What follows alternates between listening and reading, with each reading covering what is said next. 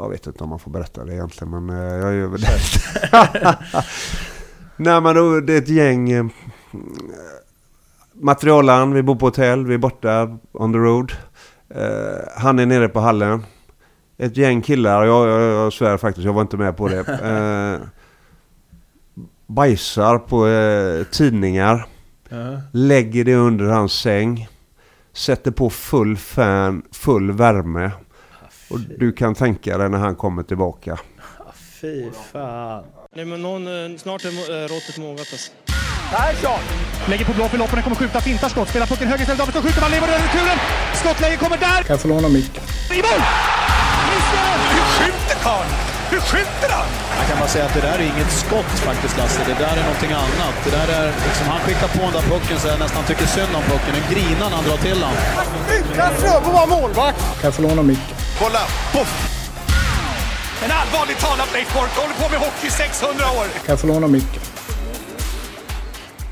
Det här är ett SHL-podden Retroavsnitt från Betsson. Jag som pratar heter Mårten Bergman och det- jag gör i de här SHL-podden Retropoddarna är att jag intervjuar gamla elitserie slash SHL-ikoner och idag har det blivit dags för ytterligare en ikon. Förra gången var det Niklas Andersson och nu har turen kommit till Patrik Karnbäck. Vad vi pratar om i podden, det hittar ni i beskrivningen till densamma. Och mig når ni på Instagram eller Twitter, det är att SHL-podden på båda ställena, funkar också med att Martin Bergman. Superglad blir jag om ni prenumererar på podden, men nu ska vi tillbaka till den 10 november i Göteborg, Patrik Karnbäck. Som sig bör i dessa tider så inleder jag med frågan, hur mår du? Jag mår bra i dessa tider. Jag har faktiskt inte haft några problem och nära och kära mår bra. Så det, ja, Ja. det rullar på bra. Eh, vad gör du nu för tiden som Thomas Ledin? Ja, jag eh, gör egentligen inte så jättemycket mer än att eh, försöker vara med i lite värdepapper och investeringar och eh, följer börsens utveckling ganska noga faktiskt. Det är väl det i huvudsak. Är det, är det heltid eller? Ja, men helt, det, det, det är klart att man följer det alltid heltid men sen jag menar börsen, man kan ju inte sitta där hela dagarna utan man är med och sen eh, gör man lite annat och sen är man med igen. Så det, ja, men heltid kan man väl säga att det är. Har du några bra tips? Eh, nej, Tipset är väl att man inte ska lyssna på andras tips? Är det inte så? Så är det och, och det är väldigt svårt. Jag menar, ibland går det otroligt bra och sen nästa dag så är du fan hälften borta. Så det, det är frustrerande, väldigt frustrerande. Det är inte som... eh, Eller vad är det? Man är inte bättre än sin senaste match? Eller? Nej, det är faktiskt lite så. För det, ibland är ett par veckor kan det vara väldigt positivt och sen är det otroligt negativt några veckor. Så det, Mm. ja, det, det, ibland är det inte att rekommendera. Hockey då? Sysslar du något med det? Jag är ju med i, eh, och spelar lite själv. Vi har ju Frölundas Oldtimers en gång i veckan och så är jag med ett annat gäng och leker lite grann. Och sen följer jag Frölunda eh, ganska frenetiskt. Mm. Eh, och även tittar lite olika resultat i olika ligor och följer lite grann de spelarna som jag själv representerade förr. Så, så sätt är jag involverad i hockey. Men du gör inget med liksom agentverksamhet eller så? Jag jobbar inget med det längre nu. Varför då? Nej men jag kände väl att lite, jag var lite klar med den här biten. Hade gjort det i 16 år och ville väl prova lite andra grejer. Och, eh, så det föll sig ganska naturligt. Om vi spolar tillbaka till eh, tiden när du var aktiv spelare på annan nivå än Oldtimers. Eh, hur ofta tänker du på den? Det gör inte jag så ofta faktiskt. Eh, ibland kan man få, få ju lite flashbacks. Man går till Skandinavien. Man, vilken otrolig tid och vilket privilegium att få vara med i Frölunda och få spela där. Men annars, eh, livet eh, går vidare och jag har nytt liv och liksom eh, bara följer hockeyn för jag tycker det är fantastiskt roligt. Men jag är inte sån som ältar så mycket vad som har hänt egentligen. Du fastnar aldrig i några gamla bilder eller klipp upp eller? Egentligen aldrig. Mer än att ibland kommer det upp på eh, sociala medier eller flashbacks eller lite sådana här grejer. Och då stannar man ju till lite grann och reflekterar. Men annars eh, inte så mycket nej. När du reflekterar över det, vad gör du det med för känslor liksom? Är det bara glädje och härligt eller finns det något vemod och saknad eller? Det, det är både och. Eh, återigen att man har fått vara med i en sån här resa liksom, eh, som eh, man kommer ihåg själv som barn. Man drömde om eh, att få spela i Frölunda när pappa tog med en på Skandinavium liksom. Och, och sen själv varit med där och stått där och, eh, och fått representera Frölunda. Som var mitt lag liksom och även i landslag och NHL. Så det är klart att eh, den, den livsstilen och den resan har bara varit magisk. Men ibland kan man också tänka vilket, vilken otrolig ångest det var inför vissa matcher kan man, kan man säga. Eh, för det är liksom inte bara att man kan gå och säga att det, det, se det positivt glädje utan det vissa matcher har man ju fått göra för att kanske Frölunda ska överleva som klubb eller att du måste vinna denna eller det är slut liksom säsongen och sånt här. Så det, det, jag hade svårt att bara tänka positivt in, innan sådana matcher. Det var ångestladdat. Men när man själv väl hade lyckats med någonting och då liksom eh, gjort det bra och vi vann eller något sånt där så blev det en otrolig känsla. Mm.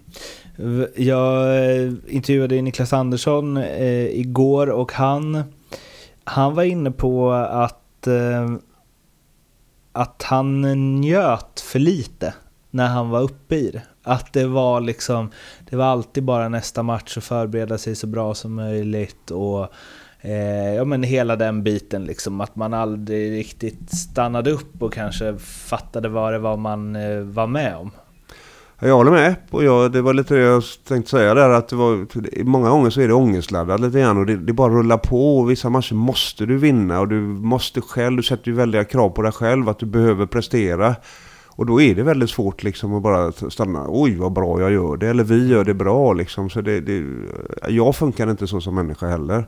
Utan det gjorde man kanske efter små tillfällen. Efter några matcher. Men sen nästa dag så är det en ny dag. Och, då, och dagen efter så är det en ny match. Så det, där jag håller med. Det är väldigt svårt att bara njuta av den tiden mitt uppe i det. Minns du din eh, första match på elitnivå? Eh, Det gör jag nog inte. Det gör, nej, det gör jag faktiskt inte. Eh, Jag kommer ihåg min första säsong och de första matcherna som jag kommer nog inte ihåg första matchen men det var eh, mot... eh, Nej, det gör jag inte. Kommer du ihåg första målet? Nej, det gör inte det heller. Det är länge sedan. det är länge sedan och ja, men det är nog lite grann också för att Eh, det är klart att det var roligt och det borde jag ju gjort egentligen komma ihåg det men det, ah, man, man gick vidare. Mm. Eh, jag tänker ju, alltså jag, jag, när jag växte upp så var det liksom hockeybilder var ju jättestort och eh, ja men eh, elitseriespelen till Sega och liksom hela den biten. Eh, och jag förstår ju förstås att det var för att jag var barn då och att man hade idoler på ett annat sätt idag. Men det känns också som att det var mycket mer svåråtkomligt och det var liksom inte sociala medier, man kunde inte se alla matcher på alla kanaler. Det var liksom, det kändes så stort med typ NHL-proffs kändes så himla stort. Liksom. Jag fick, kunde se en NHL-match om året och tyckte det var det häftigaste någonsin. Eh, var det... Eh, var ni större idoler då än vad spelarna är idag, tror du? Nej, det tror jag inte. Det är nog mer tvärtom. Ah, okej. Eh, Tack vare sociala medier och liksom... Du ser de här Lundqvist-stjärnorna på ett helt sätt. Du, hur de lever, hur, vi kanske, hur mycket pengar de tjänar och sånt där idag. Det tror jag gör att eh, barnen ser dem som kanske större idoler idag. Eh, jag menar våran tid... eh, jag, jag såg ju själv eh, absolut eh, många som idoler också. Men vi fanns ju liksom inte på sociala medier. Utan barn läste kanske inte tidningar och det var inte så ofta i tv heller. Så jag, eh, ja, jag nog, ser nog som att eh, de är större idag än vad vi var. Men kunde, alltså när du spatserade på Avenyn, mitten av 90-talet, var det Var det många som stoppade dig och ville ta bild? Eller ta bild, ta autograf? Eller liksom... Eh, nej, det kan jag inte säga. Det var nog mer när du var ute eh, någon gång på krogen och lite sånt här. Och Ja. Folk är lite fulla, då kommer de gärna fram och vill snacka hockey. Ja. Och då är det både ris och ros. det är alltid bra snack ja, då. ja, ja. Ehm, om du ser tillbaka på eh, eh, ja, men, eh, hur det var att vara hockeyproffs när du var det och hur det... Alltså du var ju någonstans med om övergången tänker jag. Att det var, alltså det blev seriösare och seriösare och liksom kost och träning och hela den biten.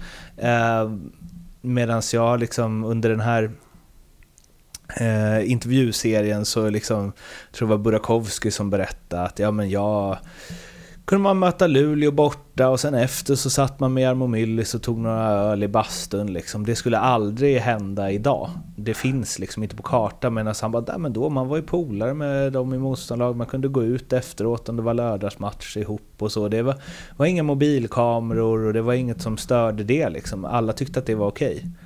Eh, håller du med om det?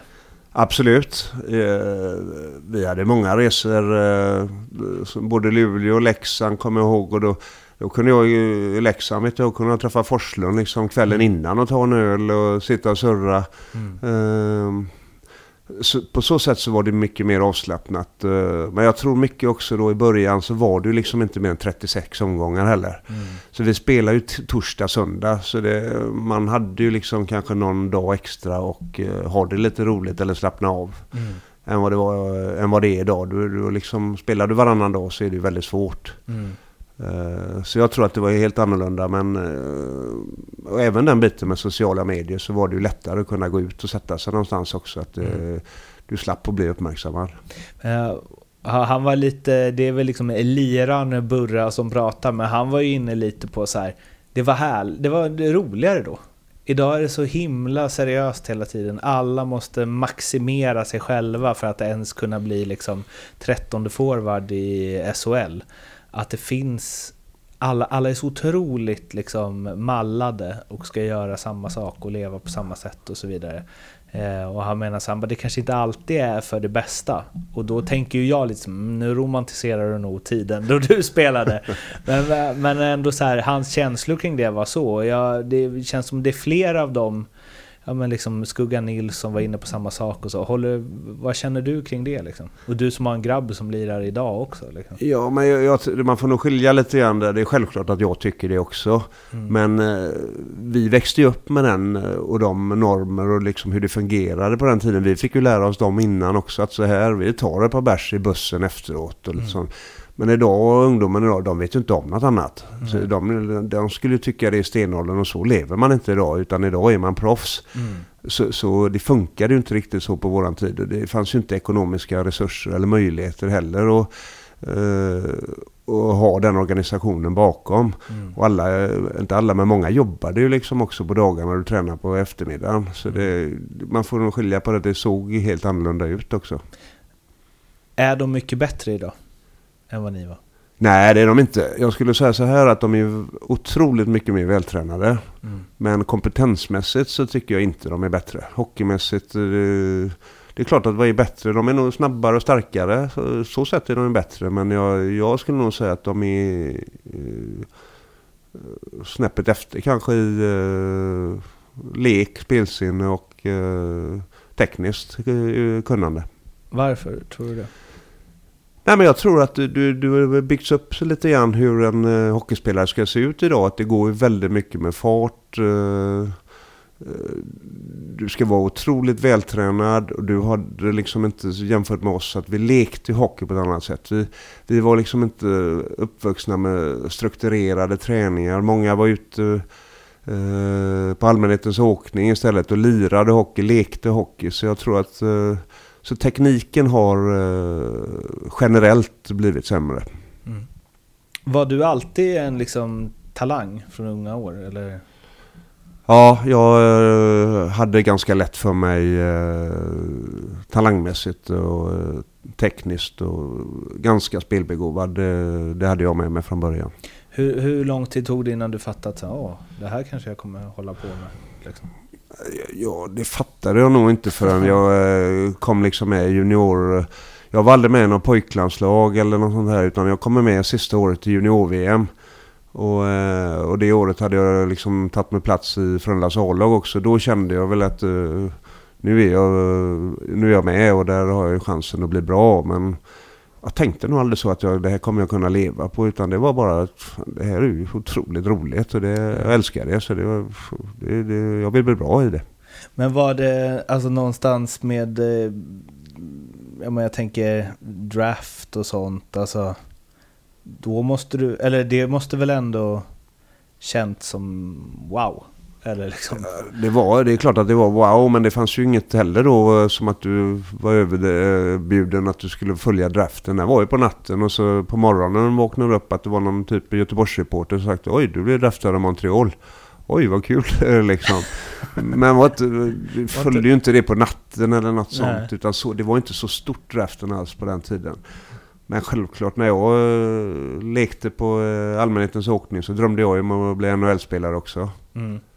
Montreal också. Klassiskt. Klassiskt lag. Klassiskt lag. Om du ser tillbaka på uh, tiden du spelade, vad saknar du? Vad tycker du?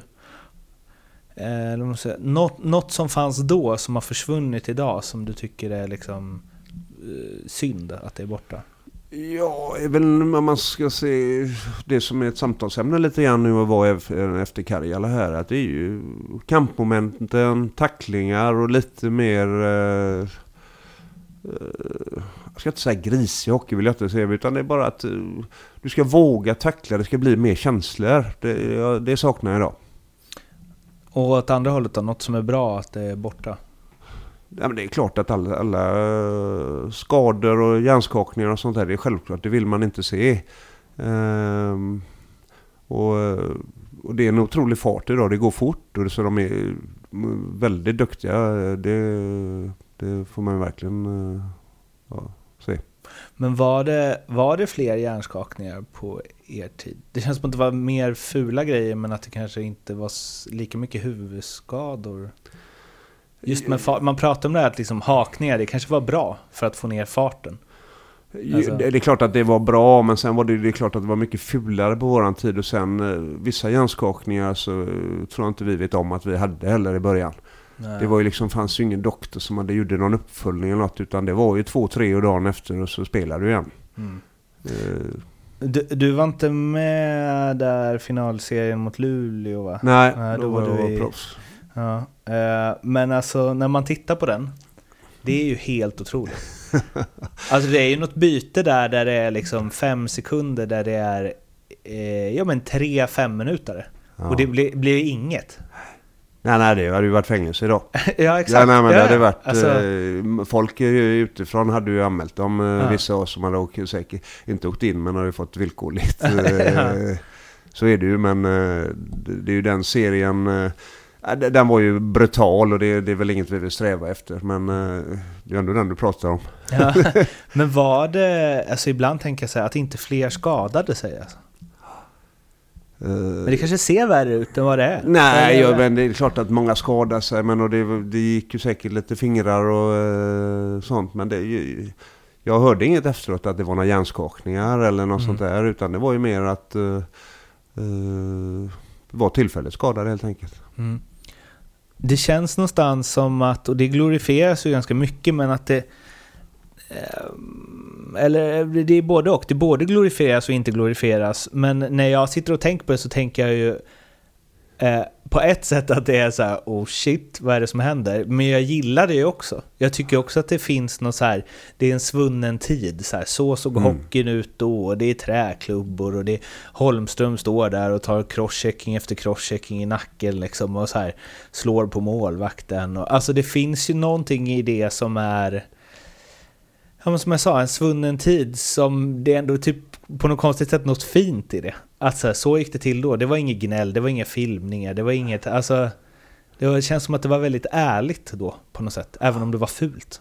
Ja, men jag, jag, jag, saknar den, jag saknar många delar av den i hockeyn. Jag, jag saknar inte det brutala när någon kanske uh, kör en klubba i nacken på dig när du ligger ner eller någonting. Men det var ändå...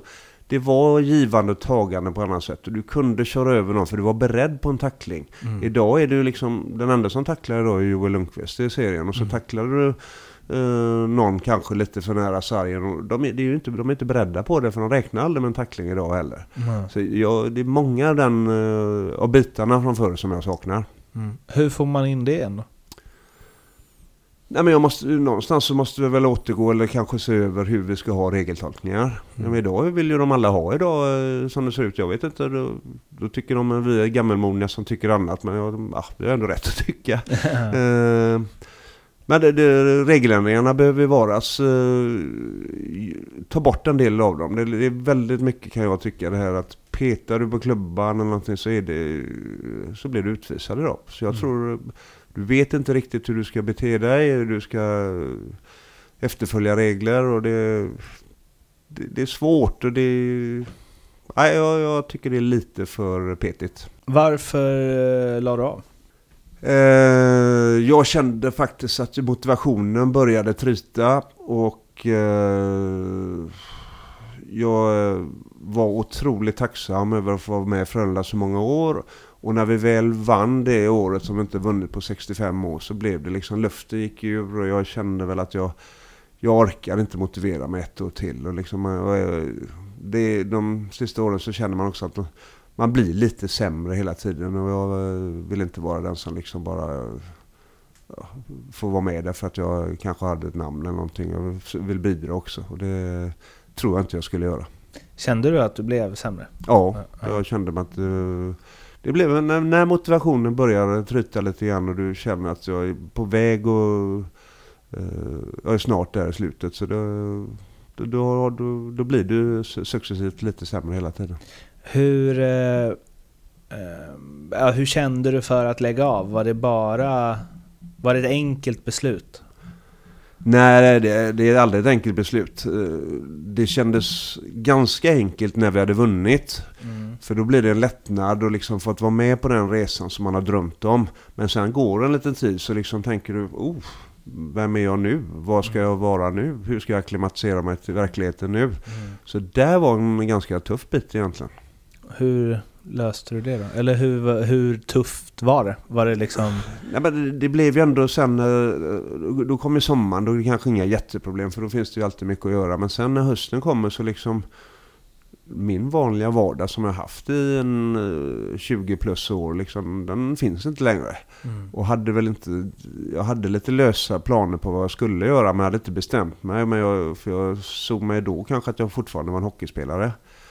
Ehm, och så den biten var ganska tuff. Men nu löste det sig ganska bra i och med att jag kom in på eh, eh, hockeyagentbiten. Så jag kände att jag var ändå närheten av eh, hockeyn igen. Så det, då blev det ganska bra och eh, naturligt.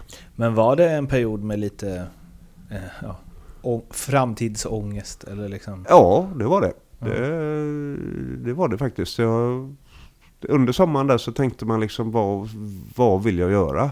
Mm. Jag måste tjäna pengar, liksom jag behöver ha en eh, fast punkt, jag behöver ha eh, so, lite social verksamhet och så. Så det, ja, det snurrar rätt mycket. När började du med hockeyagent? Alltså hur långt efter att du slutade? Ja, Jag började med det mm, till vintern där. Ja, du gjorde det? Ja. Så du gick aldrig liksom... Nej, jag gick inte någon längre tid. Ja. Eh, för det där är ju något som många har vittnat om, att så här, tom, tomrummet efter Mm. karriären, att det är svårt att fylla liksom. Mm. Eh, Det är det verkligen. Jag tror att det är viktigt eh, att man inte tycker synd om sig själv. Jag menar det, det finns en Börje Salming eller Mats Sundin eller Forsberg som kan leva på namnet lite grann. Men Mm. resten är ju, får ju verkligen ta tag i sig själva. Och det, det går liksom inte att tycka synd om sig. Utan det, det är bara upp till var och en.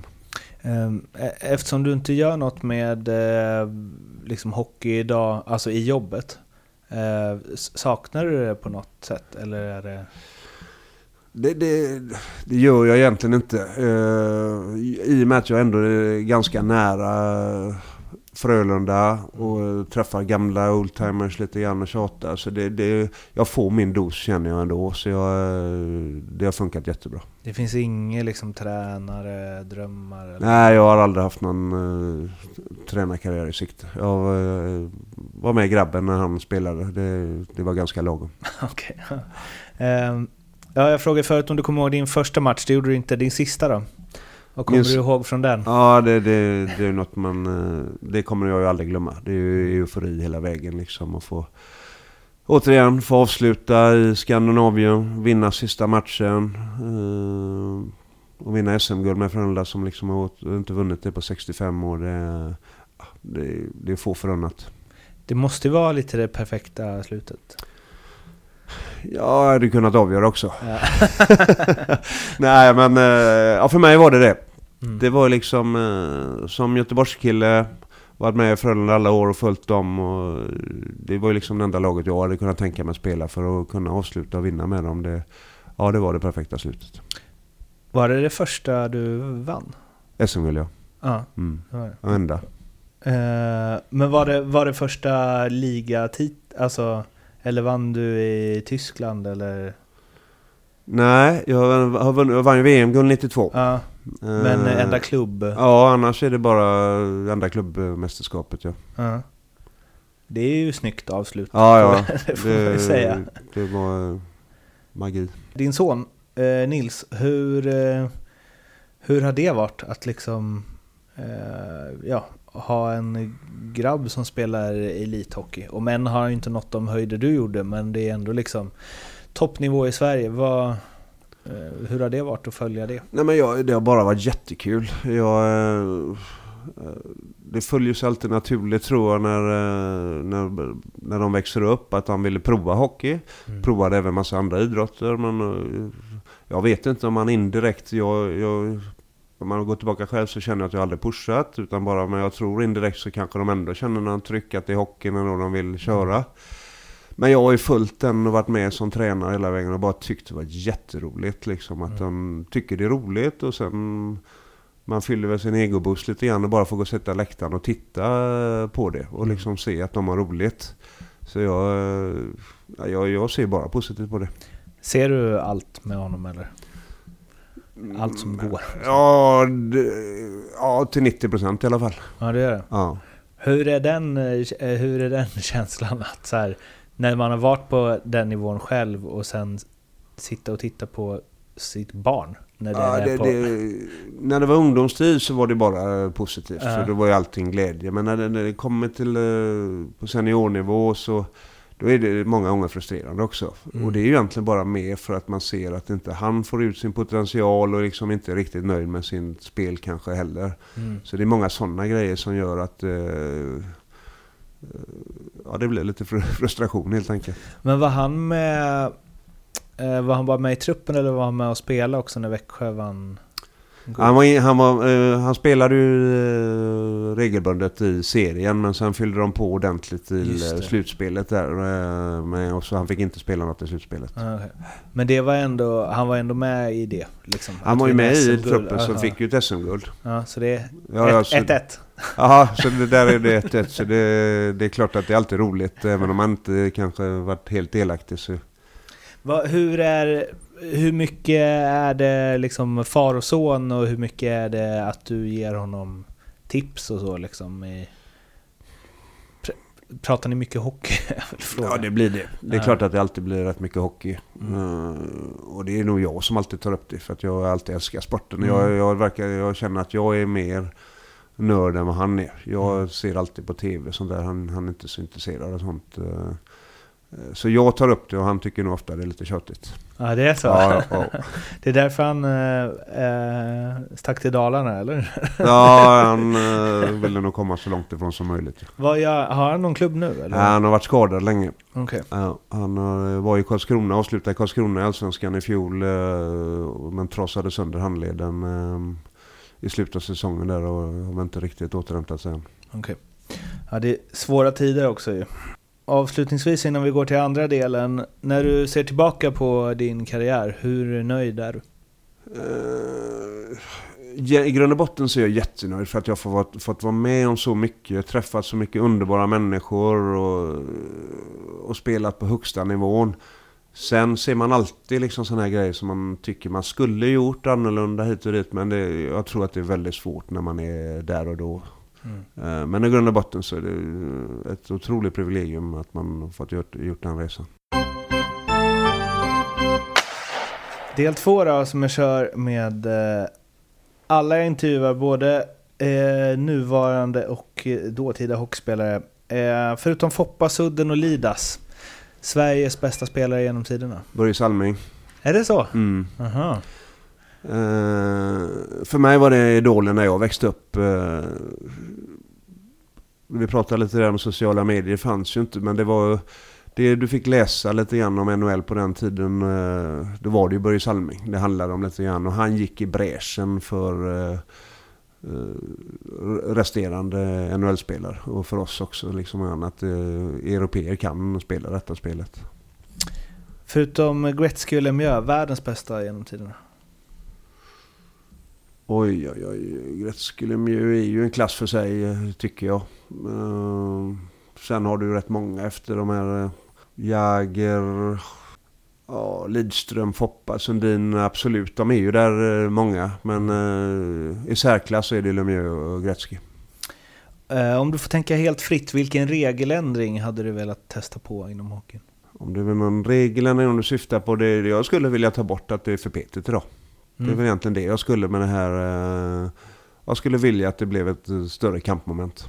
Den bästa spelaren som du spelat med, och det behöver inte vara den som blev bäst eller har det största namnet eller så, utan där och då den som du tycker varit bäst, som du varit på samma i, i samma lag som. Nej, men jag spelade med Börje Salming när vi var i OS eh, 92. Ja. Eh, hade vi, nu var vi inte så lyckade, men vi hade ett jättebra lag. Eh, men det var ju en... Eh, ja, då blev man ju lite starstruck faktiskt. Och, och det var otroligt kul. Och sen, sen är det ju... Sen, eh, jag menar, Sundin och, Foppa var ju med oss när vi var VM-guld 92. Lidas har spelat med också. Eh, så de tre går ju aldrig att komma ifrån. Sen spelade jag med Paul Carrea i Anaheim. eh, när han kom fram. Eh, han var också otroligt duktig. Snabb va? Snabb och ett bra skott och ja, duktig. Den bästa du mött då? Utifrån samma kriterier.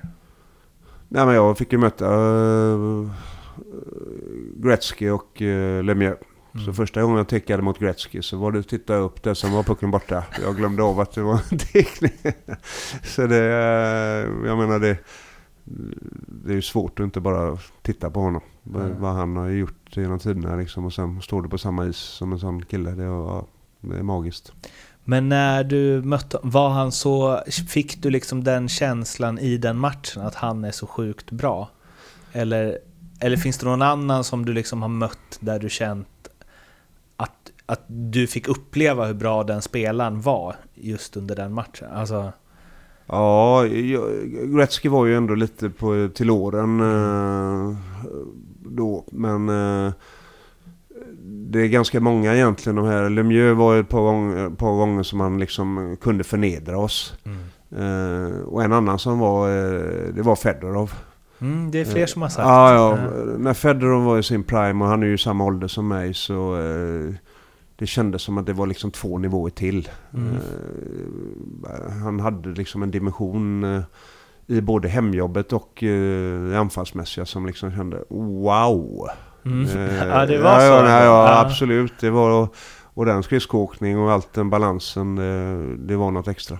Om du får plocka ut tre spelare som du har spelat med, som du vill nämna lite extra, det behöver liksom inte vara de bästa eller något, men bara tre spelare som poppar upp, som du varit i samma lag som. Ja, eh, nej men jag, jag går gärna tillbaka till det lokala lite grann. Va? Jag, jag fick spela med en som heter Peter Berntsson eh, många år i Frölunda som var en, en center som jag hade jämte mig många år som var den som banade väg för mig ofta. Jag gjorde skitjobbet och liksom tog eh, smällarna framför mål och i sargerna lite grann ofta som inte får eh, tillräcklig credit. Och det är även Jonas Jonsson, eh, sån center som spelar med också länge, som gör det här otroliga jobbet i det tysta som kanske inte är de flashiga. De säger inget och det är liksom eh, väldigt tyst, eh, tysta. Så de borde fått mer credit. Eh, men det blir ju alltid de som kanske andra som syns eh, på ett annat sätt som får lite för mycket. Finns det någon tredje, så någon lagkamrat som stuckit ut? Ja, den tredje. Du måste ju spelat med en del i NHL. Jo, det gjorde jag. jag. Jag spelade ju med, hade ju till och med Kasatonov i, eh, i ett år. Och det var ju också eh, eh, en barndomsidol, liksom hela den röda femman. Ja. Man har vuxit upp med. Och sen var, stod han, var med i samma lag och liksom man ser att det är en, en kille med kött och blod som är precis likadan som en annan. Och det har man ju svårt att förstå ibland. Ja. Eh, ja, det var ju, jag klickade runt lite på i Prospects här, men ja just det, både, det var både Korea och Sellerna där va? Ja. Eh, det är ju en av de mer så, vad ska man säga, eh, men legendariska duorna. Ja, eh, absolut. Cellen kom precis när jag var på väg därifrån så jag hann aldrig lära känna honom. Mm. Korea gjorde alltså eh, den 95-96, han gjorde alltså 108 poäng. Och den som gjorde näst flest i Anaheim, han Rushin, gjorde 44. Ja. Fattar du vilken skillnad? Det är vad man brukar säga är att bära ett lag. Gör man det själv liksom. I Ikea. Han måste ju varit otroligt bra. Ja, ja. Det var, eh, det var ju liksom, eh, det var ju när annan byggdes upp och han var ju första stjärnan och vi andra var ju liksom, eh, ja, fick se till att han mådde bra helt enkelt. Så. Ja. För han var ju han som gjorde det. Om du får plocka ut tre motståndare då som har, jag vet inte, där som du haft duster med eller som du tyckt varit, har varit kul att möta eller? Oj, oj, oj. ehm, ja, men om vi börjar med de här eh, stjärnorna som jag har nämnt lite grann innan och bara fått möta dem som du har varit med om och deras, upp, eller deras karriärer när jag själv växte upp. Va? Det, eh, stå jämte dem, det, det var ju magiskt uh, i sitt sätt. Och sen har man ju alltid haft duster med, i och med att man har varit lite längre i SHL med, med vissa spelare som är, eh, är lite mer framträdande än andra lag på olika sätt. Liksom. Så Värnblom igen va. Ställde mig lite på pottkanten när man ska ta något namn direkt när det florerar så otroligt mycket. Eh, men jag, man säger namnen, jag menar Jönsson och de, Roger Jönsson och de när de kom upp. Uh, Du retade ju på honom. Mm. Det var ju mycket för att han var eh, så pass bra spelare liksom och så... eh, eh, de började ta över lite grann i hockeyn också då. Så det, det var ju en spelare med som du både ser upp till men det blir liksom uh, hatkärlek på något sätt. Så. Mm. Hade du någon i NHL som du stötte på mycket eller som var speciell att möta? Jag tänker det måste funnits en del råskinn där också. Under. Ja det var det och jag, jag var ju rumskamrat med en av de största råskinnen egentligen. Aha. En som heter Stu Grimson. Aha. Och liksom eh, på den tiden, det small ju alltid tre gånger per match ungefär med mm. otroliga slagsmål. Jag spelade ju med honom emellanåt så då, varken du ville eller inte så var, var du plötsligt i slagsmål. Ja. Så det, de killarna var ju fördelen att de slogs ju ofta med sig själv och så var det några runt omkring som man försöker hålla, hålla i eller... Lugna ner. ja, eller lite småbråk. Ja. Har, Eh. har du varit i något ordentligt? Ja, men jag, jag var nog i en eh, två om året kanske. Okej. Eh, slagsmål. Det gäller väl att greppa rätt? Ja, det är det. det, det är, många gånger så är det bara att försöka försvara sig eller eh, komma undan så bra som möjligt. Hur var han då, som person? En jättetrevlig människa. Det, Mm. det, men det är lite scary att man kan vara så annorlunda, att man kan vara så av och på som människa. Liksom att vara mer eller mindre världens trevligaste människa vid sidan om. Och sen när du väl kommer på rinken så ser man i ögonen, det bara Ah. snurrar runt liksom. Och sen kommer ut och sen ska du döda en människa. Ja. Det, det, det känns ändå lite scary på något sätt. Var väl, han var väl inte direkt ensam i ligan med den Nej, nej. Det, det, det finns en anledning hos dem och sen kanske att inte några mår jättebra idag heller. Nej. Fick du se, såg du mycket sånt? Alltså för det är ju många slagskämpar som har Det är folk som har liksom eh, tagit livet av sig eller som har missbrukat tungt eller som har liksom berättat om hur dåligt de har mått. Mm, ja, ja, tragiskt nog så eh, spelade jag även både med en som heter Todd Ewan eh, i Montreal och i Anaheim. Eh, som sköt sig själv. Eh, men jag förstod att det kanske inte... Man, på den tiden när det är mitt uppe i det så förstår du väl att det, de kanske inte äter samma saker som oss, men jag har aldrig sett det sett det själv eller hört det, eller hört runt omkring att det surras kanske det, det gör det ju. Men jag har aldrig sett det och jag kan aldrig bekräfta något. Men det finns ju en anledning kanske att man tar, många har tagit självmord eller överdoser eller mått psykiskt dåligt. Hade du något lag eller spelare eller tränare eller något som du gillade att möta? HV gillade jag att möta i SHL. De gjorde ju alltid bra matcher mot. Mm. Uh, jag vet inte varför. Det blev... Uh, det blev lite grann... Det är ju där kan man säga det närmaste derby vi kommer mm. Frölunda. Så det kändes lite extra. Och det blev alltid att jag gjorde bra matcher mot dem och sen... Uh, Sen eh, Färjestad och Djurgården är ju speciella också för oss. Jag menar Djurgården är ju huvudstaden.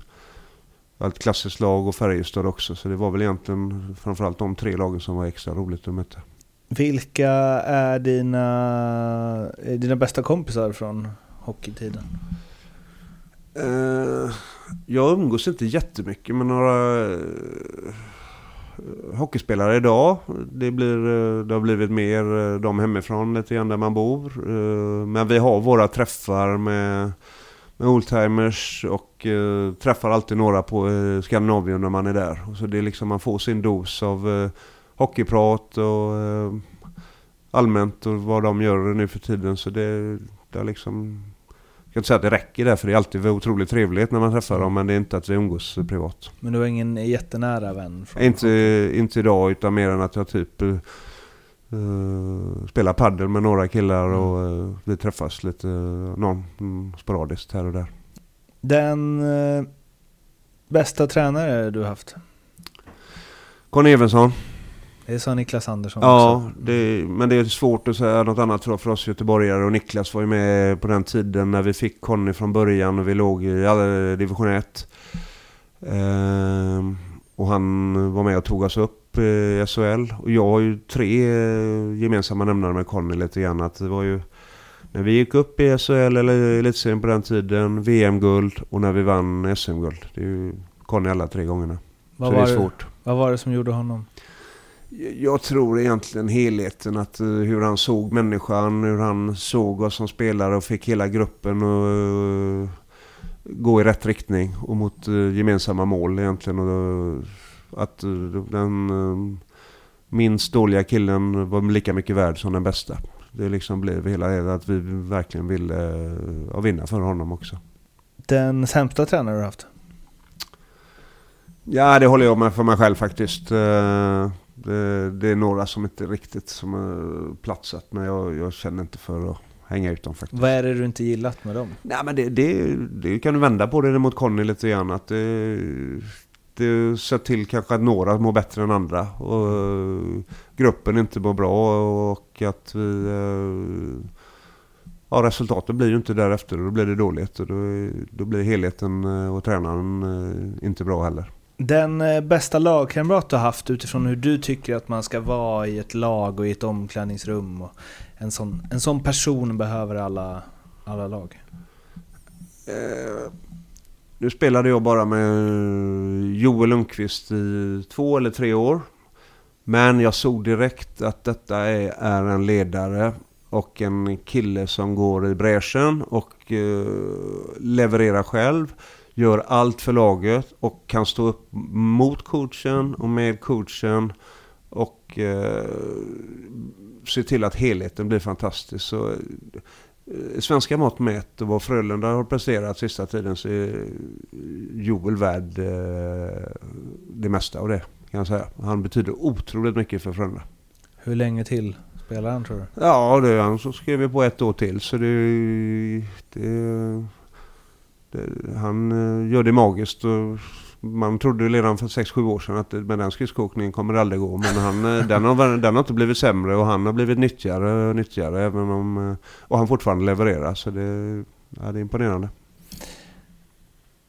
Om du med all den erfarenhet du har idag av, av hockeyvärlden kunde gå tillbaka och träffa dig själv när du var 15, vad hade du gett för tips? Ja, men jag hade velat växa upp med dagens eh, professionalism lite grann. Hur man eh, förbereder sig, hur du ska träna och äta. För de, eh, det, det fattade inte jag alls i början. Jag hade inte de förebilderna i Frölunda heller som hjälpte mig med det kan jag säga. Det, jag ska inte säga hjälpa för det, måste man ju sköta själv. Men liksom de, de idealen fanns inte riktigt och man, hur man skulle bete sig. Så jag hade, hade varit otroligt nyttigt för mig tror jag att kunna få börja i unga år och träna mycket hårdare och få in den kulturen från början. Mm. Det hade jag haft nytta, mer nytta av egentligen eh, längre i min karriär. Levde du mycket på talang? Eller? Ja, jag levde för mycket på talang. Ja, det, det var för, ja. ja, jag levde för mycket på talang. Så det var, jag höll mig ändå flyttande och lite till liksom hängde med och då tyckte man det var okej. Därför uh, miste man ju nästa steg tror jag. Tror du att du hade, att det fanns mer att ta? Om du hade liksom... Det tror jag. Det tror jag absolut. Jag hade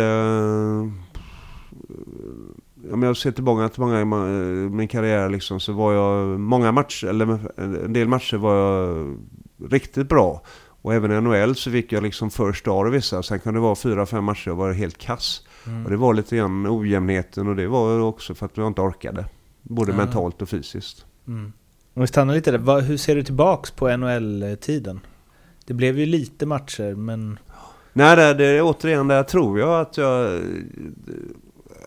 talangmässigt så eh, skulle jag kunna vara där ett par år till. Mm. Men det var... Eh, det, men det är alltid lätt att säga nu, men om jag hade fått eh, verkligen önska Eh, då ehm, och där att eh, jag hade tränat på ett helt annat sätt. Och förberett, förberett mig för att orka liksom 82 matcher. Vad va, va hände? För det, de åren är ju intressanta liksom. Du eh, eh, ja, men, du hade ju en sväng eh, hem under lockouten där med Frölunda. Men annars så gör du ju liksom... Ja men eh, snittar väl eh, en halv poäng per match i Anaheim där 94-95, 95-96. Och sen så blir det Tyskland där jag tänker att du är i en ålder där du kanske bör vara på toppen av din karriär rent när man ska säga så här. Fysiken och erfarenheten möts mm. i någon form. Varför blev det så? Jag tror nog lite grann att eh, det var... Eh, om man ser på NHL-tiden där så tyckte de, eh, tränaren tog in mig fyra gånger, du har liksom potential att stanna den här ligan i tio år. Och när du är bäst så är du nästan bäst i vårt lag. Men du är alldeles för ojämn. Så jag kan inte spela det tillräckligt mycket liksom. Och då, det var väl där det flöt ut. Att, och sen blev det mindre och mindre. Och då blev det ett val liksom lite grann att jag ska sitta här eller... Ja, så fick jag möjlighet eh, med Tyskland. Eh, men i grund och botten var det för att jag var för ojämn och för... Eh, ja, generellt dåligt tränad. Men du, det fanns inget så här, nu ska jag ta tag i det här och liksom ge det en chans i någon annan klubb eller? Harva på här tills det... Ja, det var väl inte så enkelt för då var ju Anaheim var ju liksom ingen toppklubb. Hade du varit en toppklubb och suttit på, eh, på läktaren så hade du säkert fått en annan chans i någon annan klubb. Men det, det, det, var nog inget jag kunde sitta och vänta på. Utan då dök det upp med Tyskland och då kändes jag att det var ganska rätt. Och, eh, ganska behagligt. Eh, för där blev det ju hela pang-säsong ser det ut som. 61 poäng på 45 matcher. Uh, ja, vi, vi, hur var den ligan då? Ja, den var... Uh, den var inte jättebra kan jag säga. Den var väl... Uh, den var nog lite snäppet under uh, SHL. Mm. ganska ojämn. så att de övre halvan var SHL-lag och sen var det allsvenskan de undre halvan. Så det var en del matcher. Det blev liksom 10-3. Mm, okay. Fan, spelar du med Leon Dreisaitls pappa? Jajamän. Så det, det är lite roligt. Eh, känner ni varandra? Eller liksom... ja, det, vi har ingen kontakt men vi träffas så hade vi absolut pratat. För jag spelade med honom i två år så det var min center de åren också. Ah, okej. Okay. Ja. Var han... Eh, eller? Jättespelbegåvad. Ah, okay. eh, väldigt långsam. Aha. Så det funkade i tyska ligan lite grann. Men han eh, ser identisk ut med sin son liksom i robustheten, spelsinnet och åkningen fast uh, Leon är dubbelt så snabb. Även Nej. inte han jättesnabb egentligen heller. Nej. Kul att se honom nu också. Ja, ja, ja. Alltså. Det, det, det, ja det, får ju verkligen flashbacks. Eh, ja, men ni var, var du Forslund, Petter Nilsson? Var Ja, eh, Mogge Samuelsson var där ett tag Ah. också. Ändå, och Köln är väl en mysig stad? Jättetrevligt. Ja. Men var det, var det bristande kvaliteten på hockeyn som fick dig att lämna Tyskland? Ja, lite grann. Eh, vi, vi fick eh, barn i eh, samband när jag flyttade till Tyskland, så det var lite därför också. Frun var gravid, att jag valde Tyskland, jag tänker bli lite lugnare. Och, eh, Men sen var, ja, då längtade vi hem lite grann till Sverige och SHL var ju ett, ett steg vassare också. Vem har betytt eh, mest för din hockeykarriär? Nej men det är ju, eh, från början så är det ju pappa. Eh, självklart. Som tog med en som visade en liksom på allmän åkning hur man ska förhålla sig lite grann på plan. Hur du ska se till att ha roligt och, och bara kunna njuta. Och sen tog med så fort han kunde, tog med en på Skandinavien. Det är liksom sådana intryck som gör och eh, minnen som man gör. Verkligen, det är hockey jag tycker är otroligt roligt. Mm. Ja. Skandinavien känns som det är en speciell plats. Ja, det är det ju liksom. eh, För, för, när man fick gå på de matcherna, jag kommer ihåg han hade biljett och sen, jag vet ju, jag skolkade från skolan för att liksom titta på träningar och så tiggde efter klubben när, de, eh, när man var liten också. Så det var, det var ju ett andra eh, dagis. Vad är du mest eh, stolt över från din karriär? Uh, nej men det... Att man har fått vara med på den nivån. Att man har fått möta så många otroligt duktiga spelare. Eh, att man har kunnat leverera på den nivån. Att man... eh, ja, det är ju egentligen helheten att få, få göra och, kunna spela och leverera ett yrke. eh, och kunna leva på det och, på något sätt eh, och leva den livsstilen och fått göra det på heltid. Det, ja, det är både tacksam, glad och stolt över. Finns det något som du ser som liksom ett eh, misslyckande eller motgång eller vägskäl där du skulle gjort annorlunda eller något som... Ja, återigen eh, hade jag eh, då, men då, orkade jag inte, var inte där mentalt, så skulle jag velat eh, träna mycket hårdare. Och haft en eh, träningskultur från början, att man lärt sig att det, ja, det krävs mycket mer för att hålla sig på en viss nivå. Vad... ja, eh, två frågor kvar. Eh, vad är det sjukaste som hänt dig inom hockeyn? Slash berätta en rolig anekdot från karriären. Oj, oj, oj. Här finns det grejer. Ja, det finns det. Jag vet inte om det är berätta, men det får man väl sila lite grann kanske. Men jag, det sjukaste kanske egentligen var när jag var i Montreals farmarlag. Mhm. Eh, när vi skulle kila in eh, vissa spelare. Och vi skulle kila in eh, andre tränaren hade kommit nytt som var en ung kille. Eh, jag vet inte om man får berätta det egentligen men eh, jag gör väl det. Nej men då, det är ett gäng eh, materialaren, vi bor på hotell, vi är borta on the road. Eh, han är nere på hallen. Ett gäng killar, jag, jag, jag svär faktiskt, jag var inte med på det. Eh, bajsar på eh, tidningar. Lägger det under hans säng. Sätter på full fan, full värme. Och du kan tänka dig när han kommer tillbaka. Fy Och de får, och du, det blir sanering och rum och liksom, eller doft. Och det, ja, det var, det man tänker efter, du skrattar ju då och eh, hur det såg ut. Men det, det är ju sjukt och pinsamt egentligen att ha gjort en sån, eh, eller varit med om det egentligen överhuvudtaget. Det känns som att det var liksom... Eh, vad heter det? Fredericton Ja. Canadiens. Det känns Ja. som att det var liksom... Ja, det är inte Frölunda direkt. Nej, och det är inte nutid direkt Nej. överhuvudtaget. Så det, det, det är bara att inse att det såg ut så. Och det var ju inte... Det, det var ju så barnsligt eh, sjukt egentligen också. Men eh, det var ändå verklighet. Donald Brashear Ja, och Patrik Kjellberg. jajamän. Det är ändå... Ja, Brashear var där och det var, slogs otroligt mycket redan då. Ja, kan, han ska också vara väldigt trevlig har jag hört. Ja, ja. Ehm, Avslutningsvis, eh, vilken före detta elitseriespelare, SHL-spelare, eh, tycker du att jag borde intervjua i den här podden? Ja, vi kan väl gå lokalt. Kan du väl ta eh, antingen, eh, om du vill gå längre tillbaka i tiden så tar du Jörgen Pettersson. Eller så kanske du tar Stefan Larsson uppe på, eh, som sitter uppe på Frölundas kansli. Ja, har han stories eller? Han har nog rätt mycket stories. Okej.